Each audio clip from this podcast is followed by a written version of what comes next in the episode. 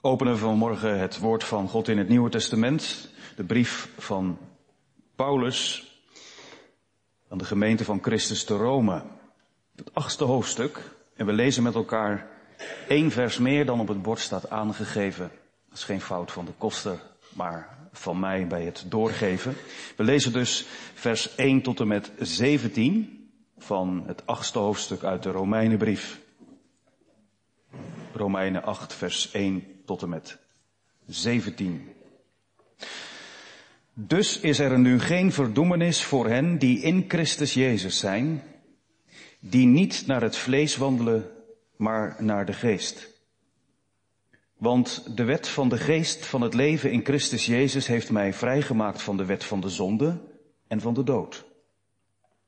Want wat voor de wet onmogelijk was, krachteloos als ze was door het vlees, dat heeft God gedaan. Hij heeft zijn eigen zoon gezonden in een gedaante gelijk aan het zondige vlees. En dat omwille van de zonde. En de zonde veroordeeld in het vlees, opdat de rechtvaardige eis van de wet vervuld zou worden in ons, die niet naar het vlees wandelen, maar naar de geest. Immers, zij die naar het vlees zijn, bedenken de dingen van het vlees, maar zij die naar de geest zijn, de dingen van de geest. Want het bedenken van het vlees is de dood, maar het bedenken van de geest is leven en vrede. Immers, het bedenken van het vlees is vijandschap tegen God. Het onderwerpt zich namelijk niet aan de wet van God, want het kan dat ook niet. En zij die in het vlees zijn, kunnen God niet behagen. Maar u bent niet in het vlees, maar in de geest. Wanneer althans de geest van God in u woont. Maar als iemand de geest van Christus niet heeft, die is niet van hem. Als Christus echter in u is, dan is het lichaam wel dood vanwege de zonde, maar de geest is leven vanwege de gerechtigheid. En als de geest van hem, de Vader dus, die Jezus uit de doden opgewekt heeft, in u woont, zal hij die Christus uit de doden opgewekt heeft, ook uw sterfelijke lichamen levend maken door zijn geest, die in u woont. Welnu, broeders, wij zijn aan het vlees niet verplicht om naar het vlees te leven, want als u naar het vlees leeft, zult u sterven.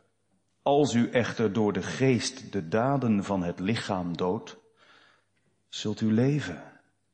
Immers, zoveel als er door de geest van God geleid worden, die zijn kinderen van God.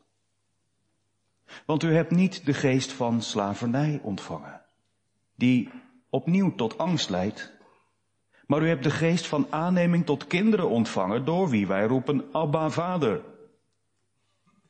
De geest zelf getuigt met onze geest dat wij kinderen van God zijn.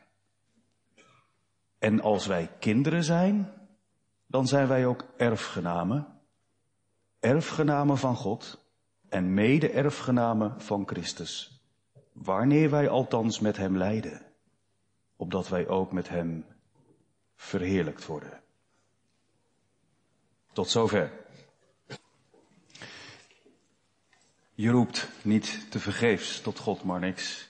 Ik spreek jou even aan omdat jij dit vers hebt opgegeven, maar dat geldt ook voor Sanne en voor Koen. En er zijn meer ervaren kinderen van God vanmorgen aanwezig. Met meer ervaring dan jullie en dan ik heb. Maar ik zeg het heel bescheiden met hen mee. Het beste leven is dicht bij God. Al dat andere, dat kan daar niet aan tippen. Dat moet daarvoor wijken. Wie zegt, ik zet mijn treden in uw spoor, die vraagt niet ter vergeefs om hulp, om bijstand, om bewaking. Zelfs op het moeilijkste deel van het pad. Toen heb ik jou gedragen. We gaan met elkaar luisteren naar het onderwijs van de Here uit Romeinen 8. En dan wel in het bijzonder vanuit vers 14 tot en met 17. Het lijkt me goed voor het verband als we die woorden nog een keer met aandacht gaan lezen. Romeinen 8 vers 14 tot en met 17. Immers, zoveel als er door de geest van God geleid of gedreven worden, zo mag je dat ook vertalen, die zijn kinderen van God. Want u hebt niet de geest van slavernij ontvangen die opnieuw tot angst leidt, maar u hebt de geest van aanneming tot kinderen ontvangen, door wie wij roepen, Abba, Vader. De geest, je zou kunnen zeggen, die geest zelf getuigt met onze geest dat wij kinderen van God zijn. En als wij kinderen zijn, dan zijn we ook erfgenamen. Erfgenamen van God en mede-erfgenamen van Christus. Wanneer wij althans met Hem lijden, opdat wij ook met Hem verheerlijkt worden. Thema voor de preek is door de geest van God geleid. Door de geest van God geleid. We letten op twee dingen. Allereerst als kinderen van de Vader. We horen dan wat het betekent, wat Paulus zegt in vers 14 tot en met 16. Door de geest van God geleid als kinderen van de Vader. Vers 14 tot en met 16. En ten tweede, door de geest van God geleid tot erfgenamen van God en mede-erfgenamen van Christus. Vers 17. Ja, geliefde gemeente, familie, vrienden, Koen, Sanne, Marnix. Als de geest van God, die de diepte in God kent, niet op de aarde zou komen wonen, bij jullie, in jullie. Als hij je niet zou leiden, ja, dan is het niet mogelijk om christen te zijn. Dat weet God. En daarom is het ook Pinksteren geworden. Om dat hoge heilige van kerst en Goede Vrijdag, Golgotha en Pasen betekenis te geven. In jullie hart en leven. Ook voor mij werd hij mens. Ook voor mij moest, moest hij sterven. Ook voor mij is hij opgestaan. En ook voor mij ten hemel gegaan. En ook mij komt hij eenmaal halen. De geest van God leidt ons daarin. Wat hebben we dat nodig? Ook in de strijd tegen de zonde, want vers 14 begint met immers, want een redengevend voegwoord.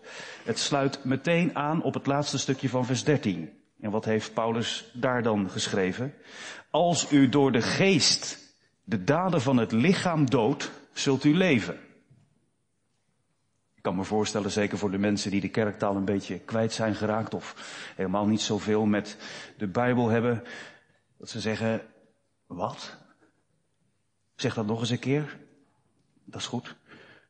Als u door de geest de daden van het lichaam doodt, zult u leven. Wat bedoelt Paulus? Nou, kort en goed.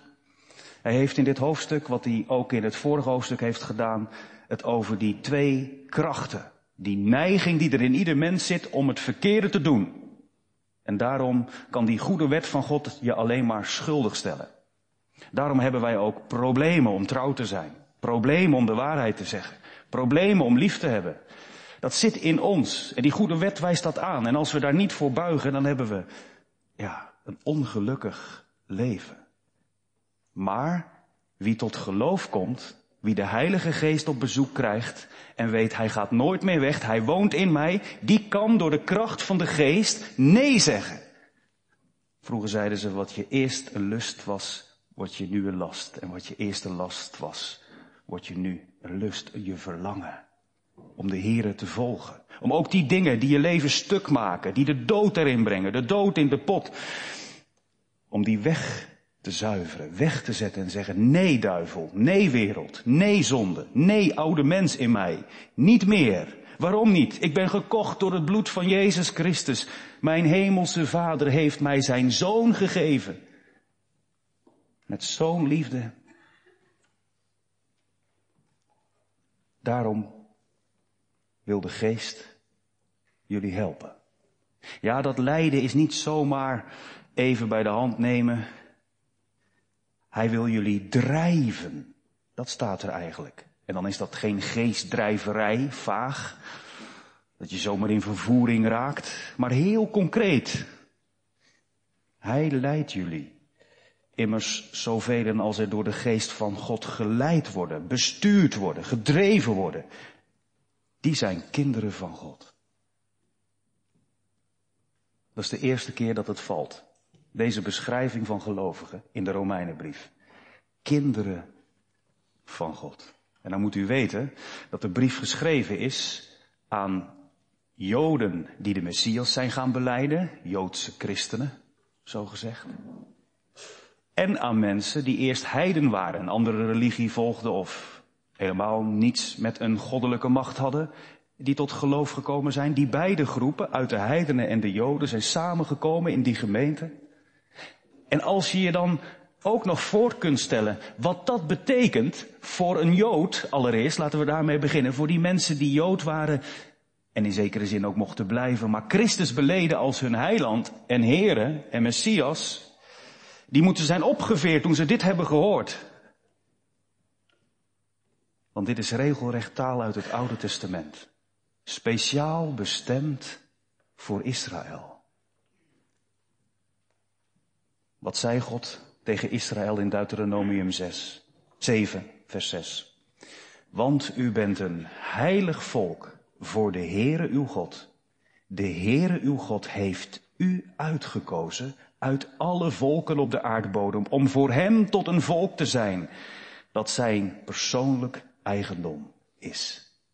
Niet omdat u groter was dan al de andere volken, heeft de Heere liefde voor u opgevat en u uitgekozen, want u was het kleinste volk van al de volken, maar vanwege de liefde van de Heere voor u, heeft hij u met een sterke hand uit het slavenhuis geleid. Wat moeten die Joodse christenen zijn opgeveerd, zei ik. Is het echt waar? Nog steeds kinderen van God, want zij wisten ook van die hele complexe geschiedenis tussen God en zijn volk. Als je de profeten leest, dan kom je steeds weer tegen hoe de Heere moest klagen O afkerige kinderen, keer toch terug tot mij. Hosea moest zijn kinderen Lo Rugama en Lo Ami noemen. Geen ontferming, niet meer mijn volk. En toch, God had het beloofd. Lees het maar na in Hosea 1. Ik zal het citeren. Toch zal het aantal Israëlieten zijn als het zand van de zee dat niet gemeten en niet geteld kan worden. En het zal gebeuren dat in de plaats waar tegen hen gezegd is, u bent niet mijn volk, weer tegen hen gezegd zal worden, kinderen van de levende God. Dat gaat hier al in vervulling in de gemeente van Christus te Rome en straks helemaal als Israël zich bekeert, of de volheid van de heiden is ingegaan. Maar wat moet het ook voor die mensen die helemaal niets met God of een religie hebben gehad, daar in de gemeente geweest zijn, dat zij daar bij dat volk van God erbij gerekend worden? Eerst een vreemdeling door het leven geslagen door een afgod.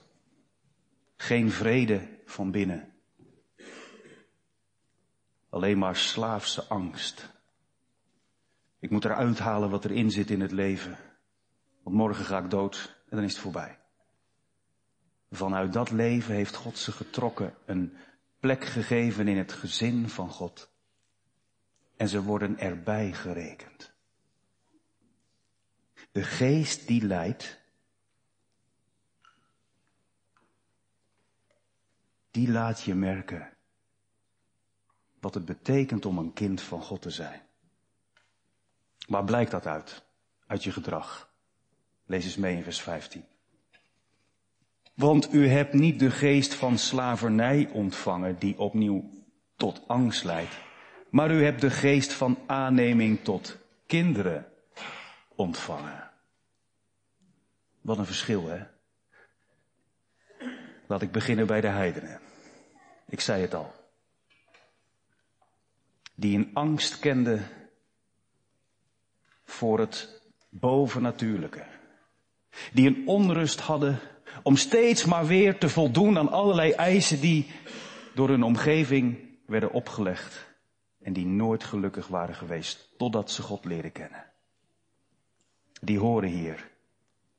Nu de geest van God in jullie is komen wonen.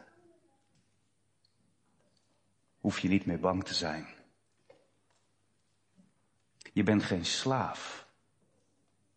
Je bent een kind. Aangenomen. En wat te denken voor de Israëlieten, de Joden. Die dat echt wel hebben gekend. He, zoals die ladder waar het gisterenmiddag over ging.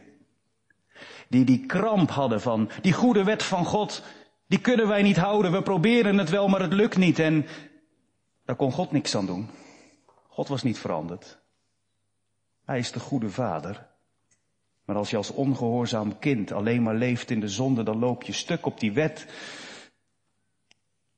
Wat is de grote verandering na de komst van de geest in je leven? En neem dat alsjeblieft mee, ook voor later. Want je gaat het tegenkomen. Je gaat jezelf tegenkomen. En je verleden weer onder ogen komen. Waar zorgt de geest voor? Dat je niet als een slaaf gehoorzaamt, maar als een kind. Dat er geen angst meer is voor de straf van God, omdat er geen verdoemenis meer is. Waarom niet? Nou zegt de Heilige Geest, van wie ben je nu? Van wie ben je nu? Nou, ik ben er een van Van Baren, oeh. Ik ben er een van Van Leeuwen, oeh. Ik ben er een van Van Koten. Ja, dan heb je allerlei redenen om te denken, nou nou, wat moet daarvan terechtkomen? Maar wat zegt de Heilige Geest? Mensen van Adam. Daar is geen verdoemenis meer voor. Omdat ze, jongens en meisjes, nou moet die ene hele belangrijke naam gaan klinken, hè? Omdat ze in Christus Jezus zijn. Dat je ogen daar elke keer weer voor open gaan. Ik mag vanwege die ene zoon van God op zijn naam naar de Vader gaan, zijn wet ontvangen als een leefregel tot dankbaarheid om niet meer in die kramp te schieten. Ook niet van een eertijds. En ik ken het helaas, ik ben er niet trots op met jullie ook. Dat je met schaamte terugdenkt aan dingen die je hebt gezegd, gedaan.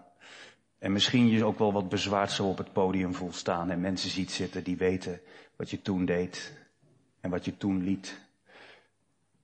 Maar je hoeft hier niet de schone schijn op te houden, maar een oprecht geloof te beleiden.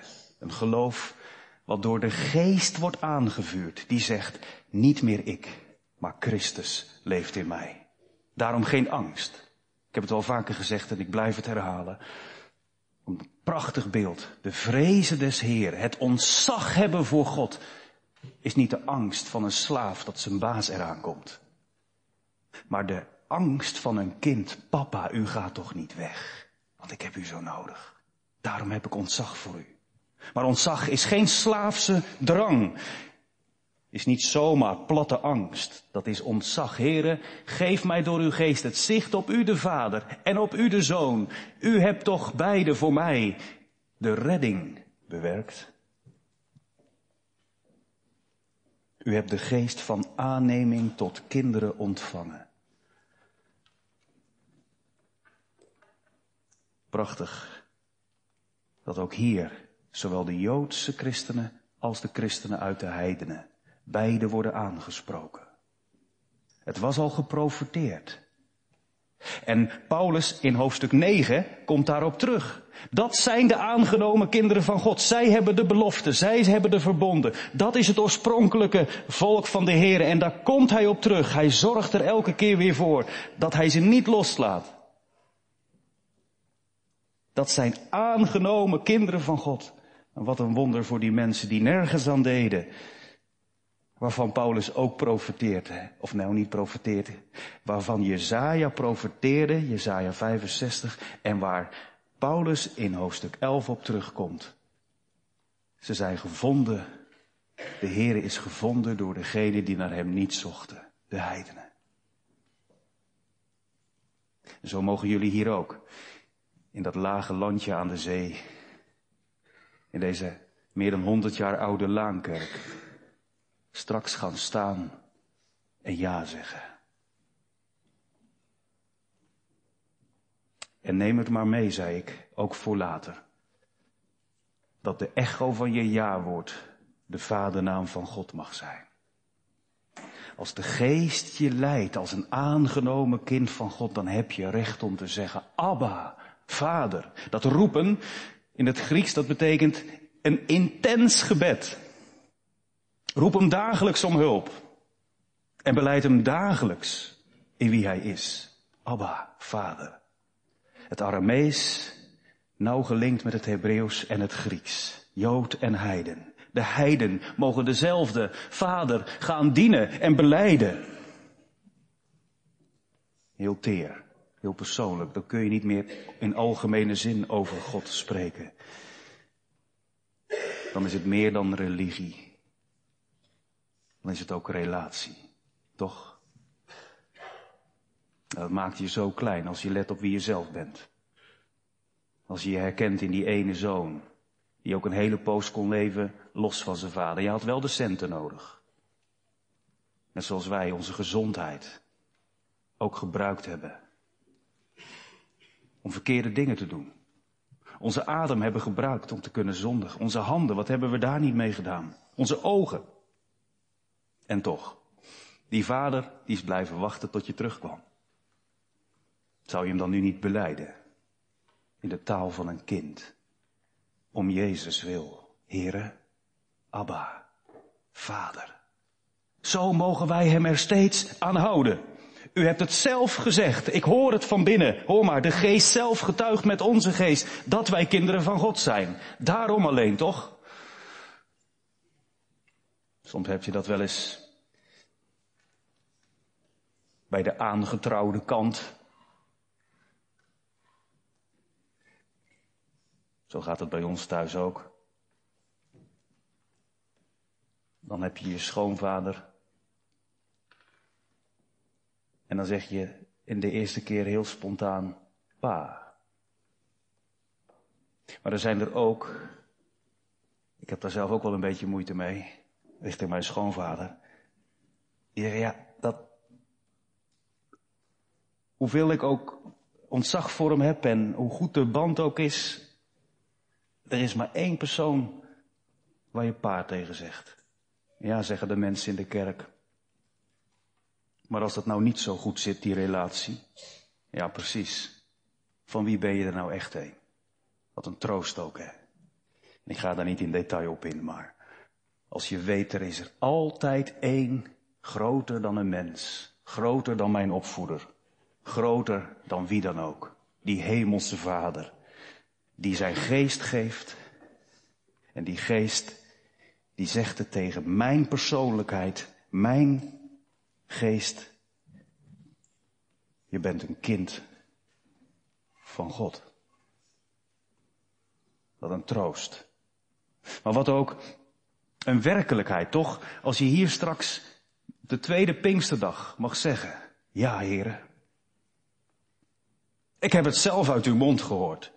En ik zeg het niet alleen ik roep het niet alleen heel hard om die stem van binnen van is het wel waar en, en, en, en houd ik het wel vol te overschreeuwen. Het is de geest die het aan mij, tegen mij, met mij meezegt. Anders zou ik hier niet durven staan en preken. Anders zouden jullie hier onterecht plaatsnemen en het jawoord zeggen. Maar nu, nu heeft het grond. Want die geest van God, getuigt met onze geest dat wij kinderen van God zijn. Ik hoop dat jullie zo door de geest van God geleid worden. En dan zeg ik niet ik hoop in de zin van dan moet ik het nog maar afwachten. Maar met een wens erbij. Zoals Paulus dat later in dit hoofdstuk zegt. Als je in hopen zalig bent geworden, dan zie je het niet altijd. Anders is het geen hoop meer. Maar je komt er wel. Je komt er doorheen. Die geest bidt je er doorheen. Die zucht je er doorheen. En als er dan mensen zijn die zeggen, is dat dan wel helemaal waar en is dat helemaal goed en klopt dat wel? Er is geen veroordeling, geen verdoemenis meer. Wie is het die verdoemt? Zo God voor ons is. Wie zal tegen ons zijn? En zou Hij, die zijn geliefde zoon geschonken heeft, met hem niet alles aan ons schenken en zelfs alle dingen laten meewerken ten goede.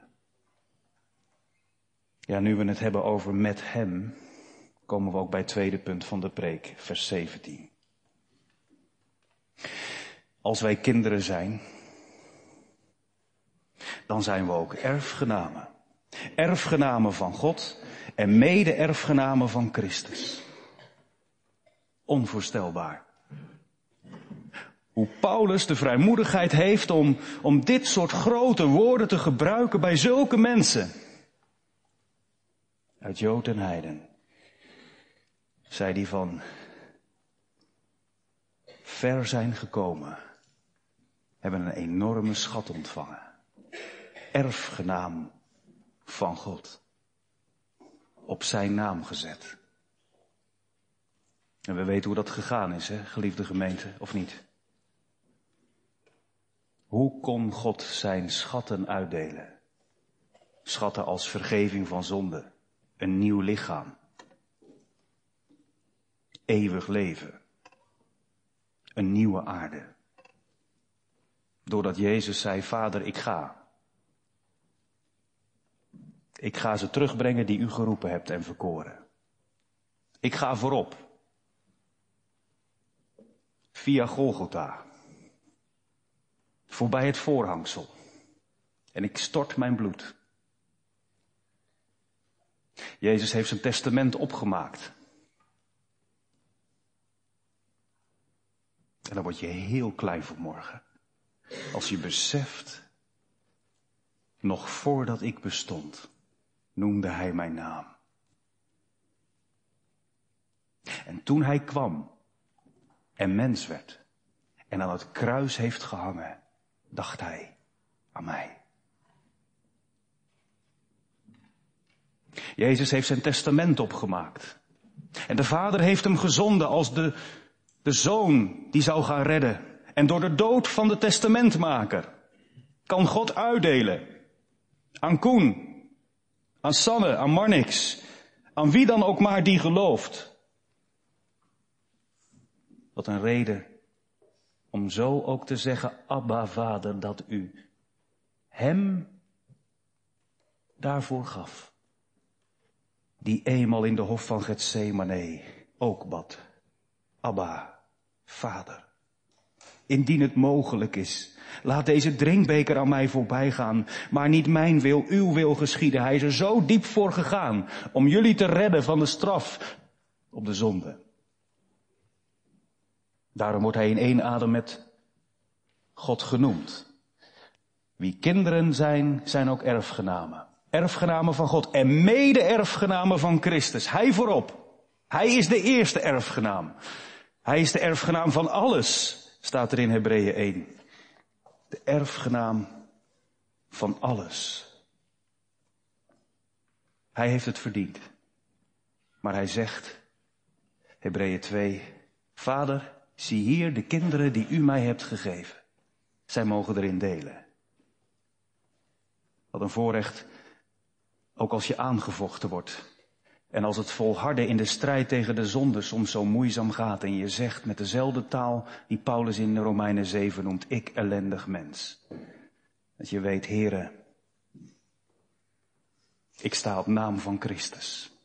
Wanneer komt die dag dat u komt op de wolken? Wanneer zult u uw voet weer zetten op de aarde? Dat ik mag zien hoe dat heilgeheim tussen u en Israël in vervulling gaat en dat ik erbij aan mag sluiten. Dan zal ik horen hoe Jezus naar voren stapt en tegen de vader zegt, vader, Sanne ook. En Koen ook. En Marnix ook. Die staan in het testament. En alles wat ik van u ontvangen heb, eeuwig leven, een nieuwe aarde, een schepping waar je nooit meer bang hoeft te zijn dat je symptomen van een ziekte gaat krijgen. Zonder zonde, zonder gebrokenheid. Allemaal vanwege Hem. Dan mag je achter Christus wegschuilen en in het geloof leven. Wat is dat dan tot slot? Als je erfgenaam van God bent en je bent mede-erfgenaam van Jezus, dan deel je niet alleen in de vreugde maar ook in het lijden. Lees maar mee het laatste stukje. Wanneer wij althans met hem lijden, opdat wij ook met hem verheerlijkt worden. En dat lijden, dat is in de loop van de eeuwen bij Joodse christenen en bij de christelijke kerk uit de heidenen er altijd geweest. Dat kun je niet ontkennen. In de Bijbel is het een rode draad en tot en met de dag van vandaag. Lijden. Soms heel erg door geloofsvervolging, zoals gisteren in Nigeria. In de christelijke samenkomst er geschoten werd, een granaat werd gegooid op het altaar. Vijftig mensen, waaronder heel veel kinderen. dat staat bij ons heel ver weg. Maar ook jullie zal het lijden niet bespaard worden. En dat zeg ik niet om te dreigen. Zo moet je dat uiteraard niet opvatten. Maar zoals Jezus het heeft gezegd, wie achter mij wil komen, die nemen zijn kruis op. En wat is dat kruis dan? Die verloochenen zichzelf en volgen mij. Als je dat doet, Koen, als je die weg gaat, Sanne, als je zo zijn spoor volgt en je treden zet in dat spoor van Jezus, dan zal blijken dat ook die momenten waar je soms zo last van hebt, die je pijn doen, die je wat kosten, er bedoeld voor zijn in de hand van de hemelse landman en vader, om je zo te snoeien dat je vrucht draagt. En dan kijk ik weer even naar mensen die al wat langer op de weg leven met God. Juist die plekken waar zoute tranen liggen en onbegrepen wegen waren, kun je achteraf zeggen, inderdaad, toen het moeilijk was, toen hebt u mij gedragen en toen u mij droeg, kwam ik er doorheen. Door het lijden naar heerlijkheid. Stel hè, dat er nou een moment komt dat je dieper zit dan ooit. En dat je denkt, waar is het gebleven? Het geloof, de vreugde. Zul je niet vergeten dat je ook heel zachtjes mag zeggen, Abba Vader. En ook als je er op dat moment niets bij voelt en de put zo diep blijkt te zijn dat je denkt, hoort hij mij wel? Al zeg je niks. En is er alleen maar in je hart de noodkreet omhoog. Heren, u zei toch dat ik uw kind was. Dan mag je weten, hij houdt mij vast. Hij zoekt mij elke keer weer op. Stel hè, dat er een moment komt dat ik niet eens meer bij mezelf kan komen. Dan kan hij bij mij. Stel hè, het hoeft niet. Maar het kan en de een heeft meer kans om het te krijgen dan de ander. Maar stel hè, dat er ooit een moment aanbreekt dat mijn verstand me begint te verlaten en ik niet eens meer weet wie ik zelf ben. Dan nog. Dan ook. Dan is hij mijn Abba, mijn vader. Ik eindig met een bekende anekdote over Margaret Thatcher uit de tijd dat ze nog premier van Engeland was. De Iron Lady. Zij was op werkbezoek in een bejaardentehuis en ging van kamer naar kamer om met de oudere bewoners kennis te maken en ze te spreken. Toen was er een oudere, dementerende dame. En die had niet door dat ze de hand schudde van een wereldberoemde politica. Thatcher vroeg aan haar, weet u wie ik ben? Toen zei die oude vrouw, nee schat, ik weet niet eens meer wie ik zelf ben.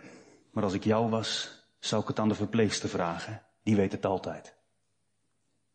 Zuster, riep ze, Zuster, wie is dat? En wie ben ik zelf ook alweer? Ik vond het een treffend beeld. Ook door het lijden heen. Dat je soms niet eens meer weet wat waar is. Dwars door de aanvechtingen heen. Zoek het niet in jezelf. Maar roep de naam van Abba aan. En weet wie een erfgenaam is van God. En een mede-erfgenaam van Christus. Die geldt het. Niets. Niets kan mij scheiden van de liefde van God die daar is in Christus Jezus. Amen.